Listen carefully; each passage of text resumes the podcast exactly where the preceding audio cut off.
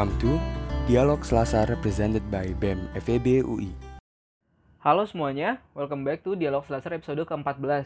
Kembali lagi bersama gue Zidan dari Biro Humas BEM FEB UI yang bakal nemenin kalian sekaligus menjadi host episode kali ini.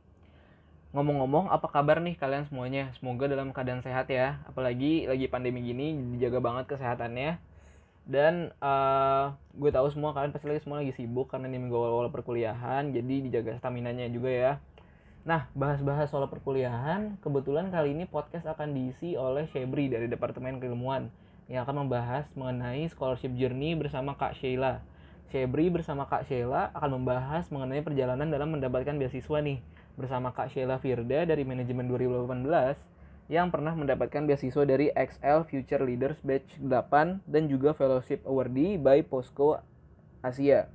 Nah, pasti udah penasaran kan? Yuk langsung aja kita simak Hai hai, nah thank you banget atas perkenalan singkatnya. Yes, betul banget, gue Shebri akan memandu diskusi seru dan menarik kali ini. Sebelum memulai diskusi hari ini, gue pengen nanya deh, kalian pernah bertanya-tanya nggak sih, kok orang-orang bisa ya dapat beasiswa? Gimana sih caranya biar bisa dapat beasiswa? Kan lumayan banget tuh bisa belajar hidup mandiri, plus meringankan, meringankan beban ortu terutama di masa pandemi saat ini. Nah, Kalian berada di tempat yang tepat, karena di episode kali ini kita akan diskusi bareng dengan tema kiat-kiat mendapat beasiswa. Di sini kita akan bahas tentang serangkaian tips dan trik yang semoga saja bisa membantu pendengar semua, terutama yang tertarik untuk mendapatkan beasiswa. Tapi tenang aja, di sini kita nggak sendiri kok. Kita kedatangan tamu yang pas banget untuk diskusi kita hari ini. Tamu kita hari ini merupakan mahasiswa manajemen FEB UI angkatan 2018 yang pernah menyabat prestasi sebagai penerima dari POSCO Asia Fellowship Award. Selain itu, dia juga terpilih menjadi XL Future Leaders Batch 8 Awardees dan masih banyak pencapaian lainnya. Saat ini, ia sedang aktif mengikuti berbagai kegiatan volunteer, internship, organisasi, dan sebagainya meskipun dalam kondisi pandemi. Udah pada penasaran kan pastinya? Yuk, langsung aja kita sambut the one and only Kak Sheila Firda. Halo Kak Sheila, apa kabar Kak? Halo Shebri. Iya Kak, boleh nih Kak kenalin dirinya buat ke pendengar semua. Aduh, makasih banget ya Shebri. Sebelumnya, kenalin uh, gue Sheila Firda. Sekarang ada di semester 5, manajemen. Dan seperti tadi udah diomongin sama Shebri, uh, gue saat ini sedang sibuk kuliah pastinya. Dan juga mengerjakan beberapa project terakhir uh, ada project volunteer tentang sustainable living yang gue kerjain bersama teman-teman. Namanya membumi.jkt di XL Future Leaders. Terus juga sekarang sedang jadi uh, project officer untuk program community development buat bantu siswa-siswa SMA yang ada di Kepulauan Seribu untuk bisa dapat pengembangan kapasitas diri mereka di Salam Abdi, prokernya Salam UI, terus juga kalau ngomongin soal beasiswa yang karena topiknya hari ini beasiswa ya yang full saat ini sih uh, alhamdulillah masih menjadi awardee dari beasiswa Posko Asia Fellowship sejak tahun 2018 terus eh, SL Future Leaders dari tahun 2019 terus tahun 2020 ini juga beasiswa kepemimpinan dari rumah kepemimpinan. Dan beberapa proyek sosial lomba dan juga internship Wah, wah kakak produktif juga ya kak. kan tadi kakak udah nyebutin beasiswa Posko sama XL Future Leaders nih kak. Boleh nih kak, kakak jelasin ya sedikit tentang beasiswa yang kakak udah terima itu. Oke, okay, sorry banget ya. Uh, hmm. Jadi pertanyaannya cerita perjalanan dari awal sampai akhirnya bisa dapet beasiswa. Iya benar. Sebenarnya mulai cari-cari beasiswa itu dari sejak maba, atau masih baru baru baru bang kan penerimaan itu kalau nggak salah bulan Agustus September ya. Jadi nyari-nyari itu udah dari bulan Agustus. Dan dari situ aku udah cukup sering nih tanya-tanya ke kakak tingkat aku yang ada di SMA gitu. Tuh nyari-nyari gimana sih bisa dapat info gitu. Dan kebetulan dari UI sendiri tuh memberikan uh, sosialisasi gitu. Kalau misalkan untuk mahasiswa tuh bisa cari beasiswa di for, di websitenya UI sendiri yang namanya beasiswa.ui.ac.id. Udah tuh sejak awal bulan Agustus sampai September awal tuh bener-bener segencer itu buat nyari-nyari informasi di situ karena akan lebih mudah gitu kalau kamu dapetin beasiswa yang emang sudah berpartner dengan UI. Karena uh, beasiswa yang sudah dipartner dengan UI itu mereka biasanya akan memberikan apa ya semacam certain number gitu untuk pasti bisa keterima gitu insya Allah. Jadi aku benar-benar ngejar banget informasi dari situ. Nah, hmm. terus waktu itu yang waktu itu di uh, waktu itu buka itu ada beasiswa dari Posko salah satunya, terus juga di beberapa perusahaan lain yang justru ya mm-hmm. kalau misalkan cari beasiswa di masa-masa masih maba itu tuh banyak banget yang banyak banget yang buka dan biasanya dikasih sampai empat tahun masa kuliah gitu. Jadi oh. kalau masih di maba, iya jadi kalau masih di maba itu benar-benar gold opportunity banget lah kalau misalkan nyari beasiswa itu dari awal gitu. Karena hmm. perusahaan, terutama yang bagus-bagus itu, mereka emang pengen banget bisa investasi gitu dengan bibit-bibit yang unggul gitu dan bibit itu didapatkan sejak masih baru ditanam alias masih maba gitu makanya banyak banget perusahaan besar-besar yang suka investment ke young talents itu dari awal mulai masuk penerimaan mahasiswa dan uh, beasiswa tadi aku dapetin ini post graduate fellowship ini adalah salah satunya hmm. um, gitu waktu aku dapetin itu prosesnya juga uh, seleksi berkas, terus interview, dan akhirnya dapet deh alhamdulillah. Gitu sih. Ini mau diceritain versi gimana nih? Um, mungkin bisa mulai dari ini kak. Uh, secara umum dan garis besarnya, uh, persyaratan yang harus disiapin buat dapat beasiswa itu apa aja ya kak?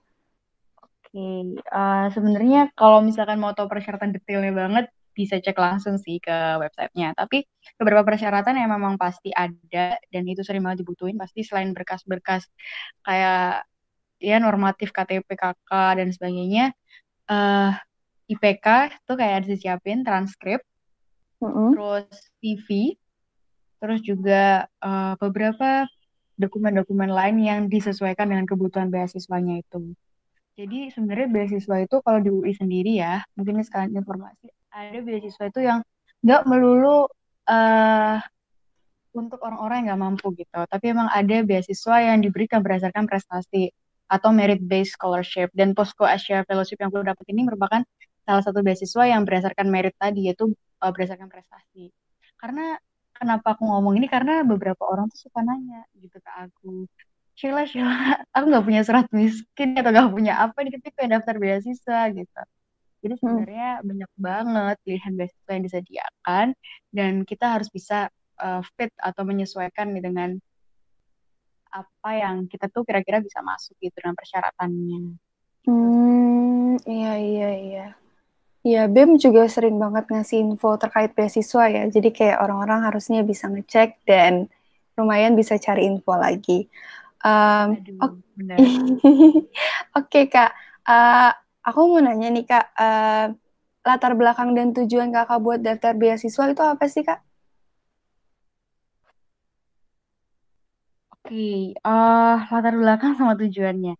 Sebenarnya kalau ditanya tujuan, pasti para pencari beasiswa itu nyari ini kan, tentu finansialnya tadi, uh, benefit secara finansialnya itu. Tapi sebenarnya setelah aku dapetin beasiswa ini ya, aku tuh semakin ngerti juga gitu waktu proses dari proses seleksinya gitu.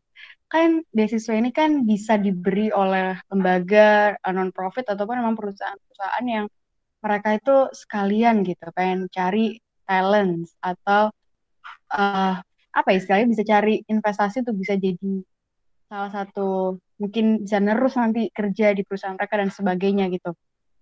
Jadi cari beasiswa buat aku waktu itu selain pengen dapat uh, benefit finansialnya juga pengen banget nih bisa berjejaring gitu dengan perusahaannya atau ber, memiliki networking ya dengan perusahaan gitu dan juga sebenarnya kalau di uh, posko sendiri semua penerima beasiswanya ini itu tuh kita ada di satu di satu indie group gitu dan hmm. waktu sebelum pandemi ya kita tuh ketemu gitu gathering dan saling saling cerita dan makanya uh, selain dapat bantuan finansial tadi, aku senang banget karena bisa kenal dengan perusahaan dan juga punya teman-teman baru gitu, yaitu para hmm. sesama penerima beasiswa ini dan senangnya lagi adalah ketika kamu bisa ada di lingkungan ini nih para Mm-mm. penerima beasiswa ini yang aku tahu ya kok di UI sendiri nih orang-orang yang emang bright bright gitu loh. Jadi emang orang-orang yang eh, berprestasi. Jadi bisa kasih kita inspirasi dan juga eh, siapa tahu bisa bantu kita di masa depan gitu. Dan salah satu yang udah aku rasa ini aku tuh punya satu teman dari teman-teman aku di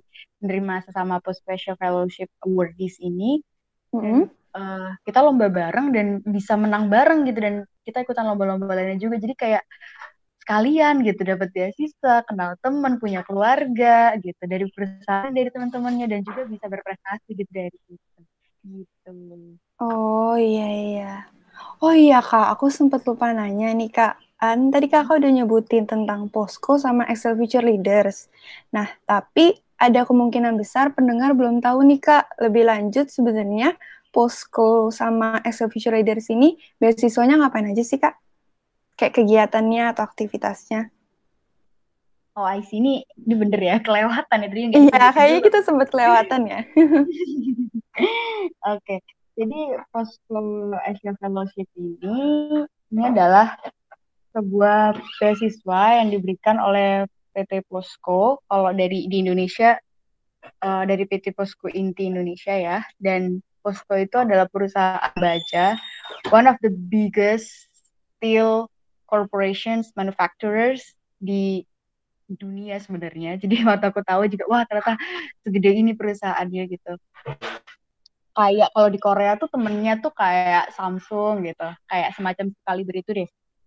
Dan Oh, uh, uh, dan terus uh, kalau apa sih tujuan mereka ngasih beasiswa ini sebenarnya uh, Posko itu nggak nggak langsung dari perusahaannya, tapi dia punya foundation namanya Posko TJ Park Foundation dan punya program yang banyak banget buat nurturing young talent. Salah satunya Posko Asia Fellowship ini. Jadi uh, dia punya tujuan untuk bisa meningkatkan mutual understanding dan komunikasi komunikasi communication komunikasi di antara negara-negara Asia gitu dan salah satunya dia ngasih ke Indonesia dan ternyata setelah aku ikut ini ada banyak juga beberapa negara lain gitu di Asia yang menjadi penerima dari Asia Fellowship ini gitu kayak di Thailand kalau nggak salah inget ya Thailand Vietnam dan sebagainya jadi eh yang akhirnya tadi aku cerita dapat teman-teman ini sebenarnya sebenarnya sekalian mungkin ya nyeritain apa aja kegiatannya tadi. iya iya boleh Jadi boleh. waktu aku masih maba itu eh, kita tuh ketika sudah diterima beasiswa ditanya gitu kayak eh, kita bakal ada kegiatan-kegiatan nih salah satu kegiatannya tuh pengabdian gitu. Jadi eh, CSR-nya Poskuing itu kegiatannya berupa bangun rumah di daerah tempat pengembangannya pabrik Posko di Indonesia tuh di tempatnya di Banten di Cilegon Mm-mm. dan di sana kita bangun rumah untuk eh, orang-orang yang membutuhkan bantuan atau mungkin eh, kurang mampu untuk bisa memiliki rumah atau rumahnya kurang layak gitu di daerah sana. Jadi sekalian bangun daerahnya. Tapi yang serunya nih ya, kita tuh bangun rumahnya tuh bukan sama orang-orang Indonesia gitu. Kita bangun rumahnya sama orang-orang Korea gitu. Jadi posku menghadirkan 100 orang Korea sama mahasiswa juga gitu datang ke Indonesia eh, team up sama kita dan bikin eh, kita dikelompokin gitu dan kita bikin rumah gitu di sana literally bener-bener bikin rumah Oh my Jadi- god, apa? Wow, Ya, keren gitu. banget. jadi ngerasain tuh yang namanya em, nata batu bata gitu terus ngaduk semen terus kayak gitu-gitu wah itu seru banget sih karena selain bisa punya teman-teman orang Korea eh, juga kita bonding kan karena Mm-mm. bareng-bareng selama 10 hari bikin rumah bareng-bareng kan capek-capeknya kerasa banget dan itu sih kayak salah satu salah satu benefit kegiatannya yang eh aku pikir ini bener-bener pengen banget bisa menyampaikan tujuannya gitu untuk interchange communication dan network gitu antara eh, penerima beasiswanya di Asia gitu dan di sini konteksnya Korea sama Indonesia gitu. Hmm, paham, paham. Wah, keren juga ya aktivitasnya ya, Posko ini. Ya, dan itu setiap tahun sih selalu ada gitu. Tapi semoga ya, kalau sekarang ini kan jelas ya, karena corona kayak susah juga gitu ngundangin Mm-mm. orang. Ya, semoga segera membaik ya. Tapi Kak, untuk Posko itu sendiri, dia emang dikhususkan untuk maba saja apa untuk uh, di semester atas juga bisa kak? Kalau persyaratannya sih nggak harus maba. Mm -hmm. Kalau nggak salah bisa kok sampai tahun ke tiga atau kedua gitu. Jadi masih bisa daftar sampai semester lima loh. Jadi coba aja nih yang masih semester satu dan tiga empat lima bisa terus daftar karena dia bukanya tuh setiap tahun. Uh, sering cek-cek aja. Aku dulu kalau tahun ini daftarnya sekitar bulan Maret kalau nggak salah. Hmm. Jadi cek-cek aja beasiswa.ac.id. Boleh tuh, boleh tuh buat pendengar semua, terutama yang lagi pengen daftar beasiswa. Nah kak, kalau buat Excel Future Leaders sendiri gimana kak? Oke, kalau Excel Future Leaders ini dari namanya tahuan ya, ini dari mana. Jadi hmm. Excel Future Leaders ini adalah salah satu beasiswa kepemimpinan oleh PT XL Asiata, TBK. Hmm. Dan Excel Future Leaders ini nih bukan beasiswa yang memang kasih uang gitu ya, atau kayak benefitnya finansial, tapi memberikan dua tahun intensif pembinaan melalui workshop-workshopnya. Uh, kalau di tahun aku sendiri ada 10 workshop selama 2 tahun. Mm-hmm. Dan kita di sini dikumpulin sebagai keluarga 150 orang penerima dan ini lumayan kompetitif sih menurut aku. Jadi kalau di tahun aku sendiri itu kita diseleksi dari 17.000 orang diambil 150 jadi 17.106 orang se Indonesia diambil 150 se Indonesia dan kita di sini bareng-bareng selain terima workshopnya juga kita juga bikin project-project kayak tadi aku jelasin sebelumnya aku bikin project untuk uh, sustainable living di Jakarta dan mm -hmm. kita di sini ada kalau nggak salah ada delapan wilayah jadi tersebar di Jawa, Sumatera, Kalimantan dan Indonesia Timur. Jadi serunya adalah kalau di sini selain dapat beasiswa kepemimpinan ini kita punya mentor atau fasilitator di setiap daerah untuk kita bisa saling tahu nih perkembangan kita tuh ketika kita dibina tuh sampai udah se capabilities itu setingkat apa sih gitu sebagai leaders gitu. Dan di sini hmm. juga karena kita ber 150, kita punya keluarga di Sabang sampai Merauke saling dan mereka semuanya menurut aku sih orang-orang yang sangat bright juga. Uh, mereka semua punya visi dan mereka uh, jelas prestasi dan apa ya? Ini tuh bisa bikin kita tuh saling berbagi inspirasi gitu dan saling bantu dalam berjejaring dan juga uh, bantu kita buat berkembang dan berkarya terus. Jadi uh, aku pengen sampaikan juga sih kalau misalkan manfaat dan terima beasiswa itu tuh mm-hmm. adalah bisa dapetin network dengan orang-orang dengan perusahaannya. Dan juga di sini punya keluarga yang bisa saling bangun di lingkungan yang kondusif untuk bisa terus berkembang dan bertumbuh. Itu yang menurut aku uh, privilege sih. Dan itu yang kayak kenapa kita tuh kalau bisa ya kita mm -hmm. itu dapat beasiswa gitu loh. Hmm, wah, wah, makasih loh kak, keren banget deh. Oke, okay. um, nah kak, kan kakak udah cerita nih kalau kakak udah dapet uh, beasiswa posko sama Excel Future Leaders. Nih, uh, ada pertanyaan nih kak sebenarnya apa sih biasanya yang dibutuhkan dari mata recruiter biar kita bisa dapat beasiswa yang kita mau? Waduh, sebenarnya ya, ini tuh lebih cocok kalau mau ditanyain ke recruiternya, karena kan aku sini sebagai uh, penerima beasiswanya. Tapi dari beberapa pengalaman yang aku dapatkan ketika seleksi beasiswa, ada beberapa hal sih yang aku pelajari dan mungkin aku bisa share di sini. Jadi apa sih yang dibutuhin sama di oleh recruiter supaya kita bisa diterima beasiswa? Recruiter atau si penyelenggara beasiswa ini pada umumnya mereka memang mengadakan uh, fellowship, mengadakan scholarship itu dengan tujuan yang berbeda-beda dan kita harus memahami tujuan itu. Ibaratnya kayak gimana ya? Kalau kita ngelamar kerja, kita tuh kan harus bisa nempatin diri kita untuk bisa sama dengan tujuan yang mau dicapai sama perusahaan tersebut. Sama halnya dengan beasiswa juga gitu. Apa yang dibutuhkan oleh recruiter itu adalah mencari orang-orang yang memang tepat dan pantas untuk bisa mencapai tujuan mereka dan itu merupakan satu investasi yang mereka berikan kepada penerima beasiswa. Jadi kalau misalkan apa yang dibutuhkan, kita sebagai pelamar beasiswa itu harus tahu kira-kira apa sih tujuan yang ingin dicapai sama si pemberi beasiswa tersebut. Jadi bukan uh, dapetin beasiswa itu nggak tentang cuma kayak gue pengen dapet duitnya gitu, gue pengen dapet ininya gitu dan cuma nonjolin kayak gue punya prestasi A, B, C, D, F, G, gue aktif A, B, C, D, F, G, tapi kalau itu nggak bisa mengakomodasi tujuan dari pemberi beasiswa itu ya nggak dapet juga gitu. Ya intinya nggak match gitu, nggak sesuai.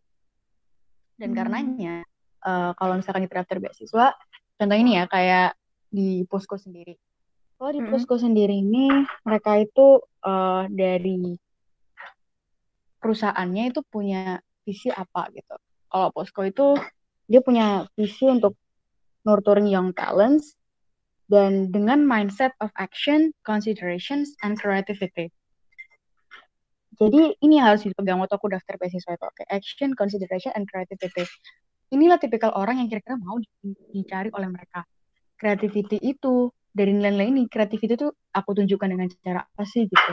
Terus kalau action, aku harus bisa menunjukkan gitu ketika nanti diterima, atau sebelum diterima pun gitu. Action apa yang telah aku lakukan sedang aku lakukan dan akan aku lakukan gitu nantinya ketika bisa mendapat beasiswa ini. Dan terus harus menunjukkan juga consideration dan determinasi kita bahwa kita tuh emang orang yang tepat gitu di mata recruiter contohnya kayak uh, posko ini kan memang dia mau cari orang-orang yang uh, kalau tipikal beasiswa posko ya mereka tuh mm -hmm. saat ini ini punya tujuan untuk bisa nggak terlalu banyak nerima orang baru tapi ngekip para wordis yang sudah ada sebelumnya gitu. Karena memang mau bikin uh, apa ya hubungan yang jangka panjang dan juga kita bisa saling apa ya proses perkembangannya tuh bisa ketahuan gitu. Berarti mereka tuh cari orang-orang yang emang komitmen bukan buat daftar beasiswa aja gitu. Mereka nunjukin prestasinya tapi mereka berkomitmen untuk terus berkembang terus bertumbuh dan terus ngasih kontribusi. Karena sebenarnya bagi pemberi beasiswa pun, apalagi yang sampai bertahun-tahun ngasihnya, kayak dalam periode empat tahun gitu sampai lulus, mereka tuh mengharapkan orang-orang yang diterima ini emang orang-orang yang they are have leadership in their self. Mereka tuh bisa ketika diberi tanggung jawab bisa megang itu dan bisa meneruskan gitu loh apa yang telah mereka lakukan dan semakin baik lagi semakin baik lagi. Jadi ibaratnya kalau dihubungin sama finansial nih ya, uh, penerima beasiswa itu adalah investasi yang ketika kamu naruh kamu beli ini di awal gitu investasi itu bisa bertumbuh gitu dengan bertumbuh dengan nilai yang compounding semakin bagus semakin bagus gitu. Nah makanya kita ketika ngelamar jadi beasiswa tanggung jawab dan juga nilai itu sebenarnya sih kalau yang aku pahamin ya. Jadi pengalaman aku nyari beasiswa that the value that the recruiter are seeking untuk semua lamarnya gitu. Hmm, iya iya iya benar banget Kak. Oke, um, Kak, uh, tadi kan kita bahas tentang apa sih yang dilihat dari recruiter biasanya biar kita diterima beasiswa.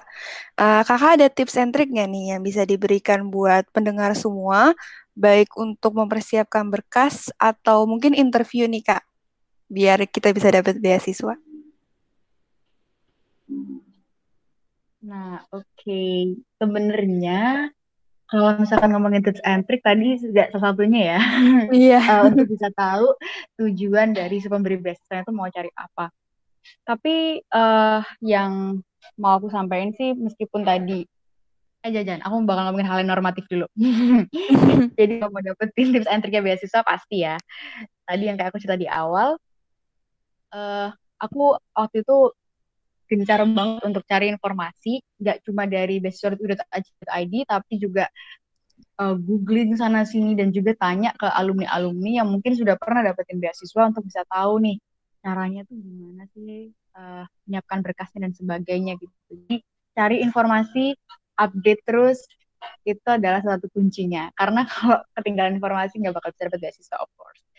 Terus ketika udah tahu nih dan udah uh, siap untuk mau aplikasi ke beasiswanya, hmm.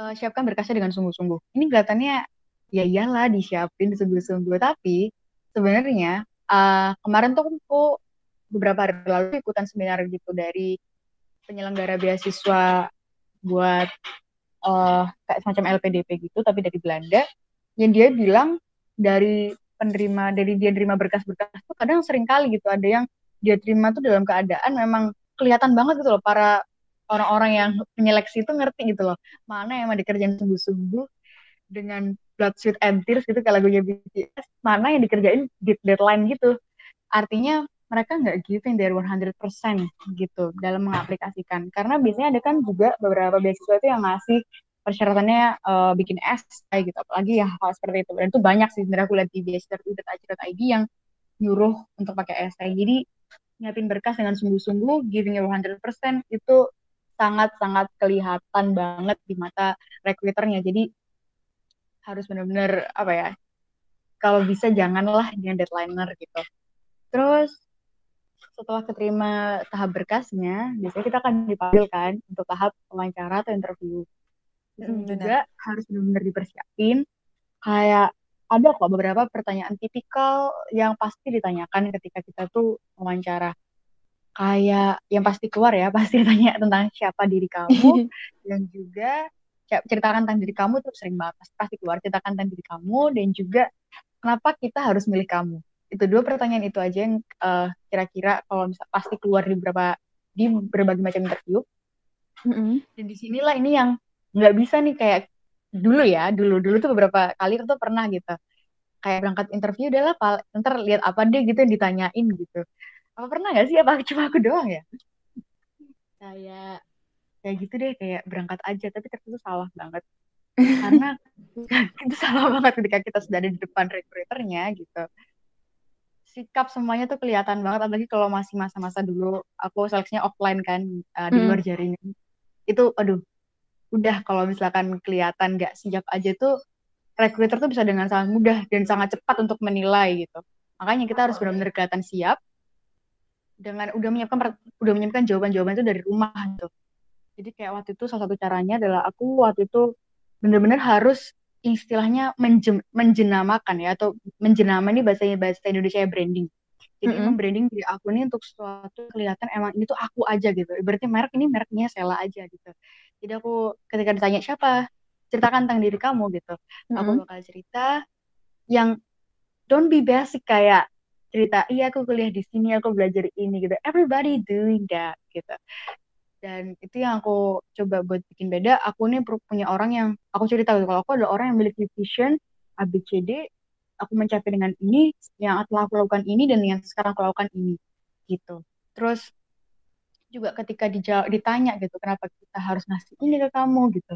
Mm-hmm. ini aku pernah banget ya. Ini setelah kalian cerita juga. Jadi waktu aku daftar beasiswa XL Future Leaders tuh mm-hmm. aku tuh diseleksikan dari ini ya. Kalau dari region aku sendiri tuh hampir oh nggak tahu berapa pastinya tapi kayak more than 500 lah. Lebih, lebih dari 500 orang gitu kayaknya di, di region aku. Terus mm -hmm. um, bisa dibayangkan ya recruiter tuh nanyain orang berapa kali gitu. Dan kalau misalkan beri jawabannya itu itu aja mereka tuh pasti langsung tahu dan kayak oke okay, ini kayak orang yang lainnya gitu. Dan aku tuh ditanya kenapa sih kita harus ngasih beasiswa ini ke kamu? Gitu. Aku bilang gitu kayak I'm a fast learner I'm a hal-hal yang kayak gitu ternyata. Tau gak recruiter bilang apa gitu? I've heard it thousand times. Can I have another another answer? Gitu. Jadi wah wah itu tuh kayak kita juga harus mempersiapkan mental kita gitu untuk bisa nyiapin berbagai macam. Kalau misalkan plan A kita nggak berhasil gitu apa plan B kita gitu? Dan karenanya gitu kalau apply beasiswa tuh harus benar-benar kenal diri kamu tuh siapa. Apa sih your biggest strength what is your opportunity yang bisa kamu pakai gitu. Dan hmm. alhamdulillahnya sih ya akhirnya setelah dengan berklik-klik jawab-jawab gitu dan juga dari situ juga akhirnya aku tahu uh, ternyata wah aku ternyata bisa gitu bawa ini itu akhirnya alhamdulillah bisa diterima beasiswanya. Jadi menurut aku itu beberapa tips and triknya ya. Tapi kalau ngomongin interviewnya secara lebih mendalam bukan dari pertanyaannya aja hal-hal yang soft skill mm -hmm. yang mungkin nggak bisa dipersiapin ini tuh uh, hamin satu hamin dua. Mungkin tadi kalau dari jawaban-jawaban bisa bisa min dua ya. Tapi mm. yang ini kayak communication skillnya. Kayak gimana sih kamu bisa mahamin recruiter ini tuh kira-kira apa sih yang dia cari gitu. Dan mungkin aja bisa jadi kan kayak uh, di website-website yang kamu cari informasinya itu tuh cuma ngasih tahu informasi-informasi mengenai organisasinya gitu. Tapi ketika kamu berhadapan dengan rekruternya langsung gitu, ada bisa langsung kelihatan sih kira-kira tipikal orang yang mereka mencari yang sesuai dengan value perusahaan mereka atau apa itu cuma yang kadang cuma bisa kelihatan dari dari rangkaian proses seleksi dan ketika kamu berhadapan itu kamu harus bisa cepat tanggap juga dan itu nggak bisa sehari dua hari sih. Jadi memang melatih communication skill memahami rekruternya dan gimana caranya. Kata aku cerita ketika plan A kamu nggak bekerja, what is your plan B? Apa yang harus kamu lakuin gitu ketika di kondisi seperti itu? Dan kamu harus bisa jaga sikap juga karena nggak mau dong kalau misalkan cuma gara-gara kelihatan bingung gemeteran saya kira nggak keterima itu kan padahal kamu sebenarnya punya potensi tapi kamu nggak bisa ngeluarin itu. Itu juga sayang banget. Jadi makanya communication skill itu juga penting. Terus ini juga uh, bahasa Inggris ya karena biasanya kalau interview yang selama ini aku jalanin hampir nggak ada yang bahasa Indonesia sih jadi oh iya hampir nggak ada yang bahasa Indonesia. Jadi harus latihan communication skill tapi dalam bahasa Inggris juga gitu. Karena hmm. kita kan bukan hmm. penutur asli ya bahasa Inggris jadi kayak sama how itu benar, benar. Dan beda sih kalau aku ngerasain kayak bahasa Inggris jaksel dengan ketika kita ngomongin depan buat recruiter tuh nggak bisa gitu beda banget hmm. jadi kita hmm. hmm. nyiapin kata-kata banyak kosakata sering bang sering-sering latihan dan itu sih yang aku pikir nggak bisa sehari dua hari kalau misalkan emang hmm. apalagi semakin ketat seleksi beasiswanya gitu yang dikasih itu nggak bisa sehari dua hari jadi mentor harus dipersiapin hmm. terus uh, last tips and triknya adalah give your 150% preparation aku adalah orang yang truly believers kalau if you are fail to prepare you are preparing to fail gitu. Jadi kalau kamu gagal buat mempersiapkan sesuatu, kamu sebenarnya mempersiapkan kegagalan kamu gitu. Nah, biasanya ya, kalau hmm. dari apa yang aku alamin selama ini, selama tiga tahun jadi scholarship hunter, itu biasanya kalau misalkan kita persiapannya 100% gitu, ketika di lapangan itu dengan berbagai macam faktor eksternalnya, misalkan hmm. kayak tadi misalkan rekruternya ternyata mukanya galak gitu ya atau mungkin ternyata dia kasar gitu nanyanya atau mungkin hmm. pertanyaan-pertanyaannya yang kamu nggak sempat kepikiran nggak kamu siapin gitu itu kan sebenarnya nurunin persiapan kamu yang mungkin tadi kamu bawa 100% ketika ada faktor-faktor eksternal yang nggak bisa kamu uh, kontrol itu menurunin performa kamu sampai 70%. Nah, terus aku tuh uh, denger-denger juga dari aku pelatihan apa gitu itu biasanya apa yang kita siapin dan ketika di nyatanya gitu di lapangan itu biasanya turun 20 sampai 30 persen gitu. So, kalau misalnya kita mau tetap bagus, prepare it 150 persen. Jadi ketika nanti ketika udah sampai di sana turun 30-20 persen, kamu masih tetap 120 persen atau, bahkan lebih dari itu. Karena hmm semakin terbiasa kita semakin bisa mengontrol faktor-faktor eksternal tadi tuh kayak yang bisa kita kontrol ya kayak gugup dan sebagainya. Jadi bener-bener preparation itu adalah faktor yang paling penting menurut aku karena ketika kamu udah ada di lapangan kamu udah nggak bisa ngapa-ngapain banyak hal gitu. Tapi hmm. di preparation ini kamu bisa kasih semua senjata kamu dan sebagainya. Jadi saran aku tips and triknya paling ini siapin persiapannya benar-benar serius dan sampai maksimal kayak udah nggak ada lagi di atasnya. Kayak gitu. Kalau aku sih gitu. Hmm, bener bener bener bener juga ya kak. Perjuangan beasiswa itu juga bukan buat dapetin doang tapi kita juga harus bisa buktiin diri kan kak? Ya betul. Betul. Bener-bener wah keren banget ya teman-teman kak Sheila ini. Nggak terasa nih, kita udah berbincang-bincang seru banget sama Kak Sheila dan sampai di penghujung acara. Nah, sebelum kita mengakhiri podcast hari ini, boleh nih Kak, buat beri sepatah dua kata lagi nih buat pendengar semua. Oke, okay, Shelby. Apa sih pesan yang disampaikan buat teman-teman FEBUI supaya bisa berhasil meraih cita-citanya? Kalau dari aku sendiri sih, jangan takut buat kejar apa pun. Terus percaya kalau limit is only on yourself um, buat aku sendiri sebenarnya juga susah loh ngomongin ini karena uh, ada tiga tahun kuliah di FIBUI yang sangat kompetitif gitu. Makanya waktu aku dipanggil interview apa disuruh podcastnya juga sebenarnya mikir gitu kayak kenapa gue gitu banyak orang lebih keren gitu. itu tuh itu tuh uh, sebenarnya sekarang sekompetitif itu dan ada lingkungan di lingkungan penerima beasiswa juga yang kompetitif emang nggak mudah untuk bisa percaya kalau kita tuh nggak mungkin nggak sehebat A, sehebat B, sehebat C tapi percaya deh sama aku kalau misalkan kita semua itu uh, semua manusia itu punya keunikannya sendiri-sendiri. Kamu nggak harus ngerasa lebih pinter atau sepinter si A buat berani akhirnya daftar beasiswa ini gitu atau ngerasa seberpengalaman C untuk bisa daftar beasiswa ini atau daftar apa pun itu. Ya, ingat aja gitu. It doesn't need to be great to start but you need to start to be great gitu Hmm, wah, sangat inspiratif banget ya Kak Sheila ini. Terima kasih banyak ya Kak Sheila. Sukses selalu buat Kak Sheila dan semoga tetap bisa buat menginspirasi kita semua. Oke, gue Shebri sebagai host hari ini undur diri. Kurang lebihnya mohon maaf. Sampai jumpa di podcast selanjutnya. Wah, terima kasih ya buat Shebri dan tentunya Kak Sheila atas sharing session mengenai perjalanan dalam mendapatkan beasiswa XL Future Leaders batch ke-8 dan juga Fellowship Awardee by Posko Asia. Semoga diskusi tadi bisa bermanfaat ya buat kalian semua yang udah dengerin. Oke teman-teman, gak kerasa kita udah sampai nih di penghujung podcast kita kali ini sebelumnya gue ada sekelas info nih buat kalian semua yang dengerin jadi um, di masa pandemi gini kan kita dihadapin ya sama kondisi yang mengharuskan kita untuk melakukan aktivitas secara daring nah hal ini bisa kita manfaatin dengan menghadiri acara yang merupakan kolaborasi dari BMFBU ini ruang seminar dan IAI Komisariat Malang Raya yang berjudul memahami pentingnya investigative auditing dan forensic accounting dalam kontribusinya untuk pembentukan Indonesia maju pasca COVID-19. Uh, webinar ini akan diisi oleh Bapak Eman Marpaung SE, MFCG, Certified 3 in Business Course, Manager of BDO Australia, dan dimoderatori oleh Hasan Argadinata SPD sebagai Chief Operation Officer dari ruang seminar. Webinar ini akan dilaksanakan pada 3 sampai 4 Oktober 2020. Jadi save the date ya, guys.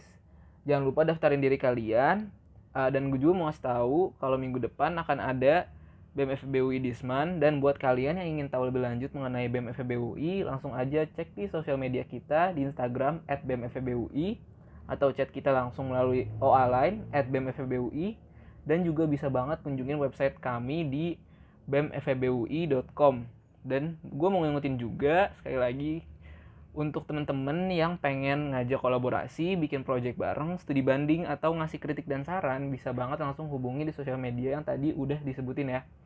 Teman-teman jangan lupa juga untuk stay tune terus di podcast karena kita bakal banyak banget bahasan-bahasan menarik yang akan kita post di episode-episode berikutnya.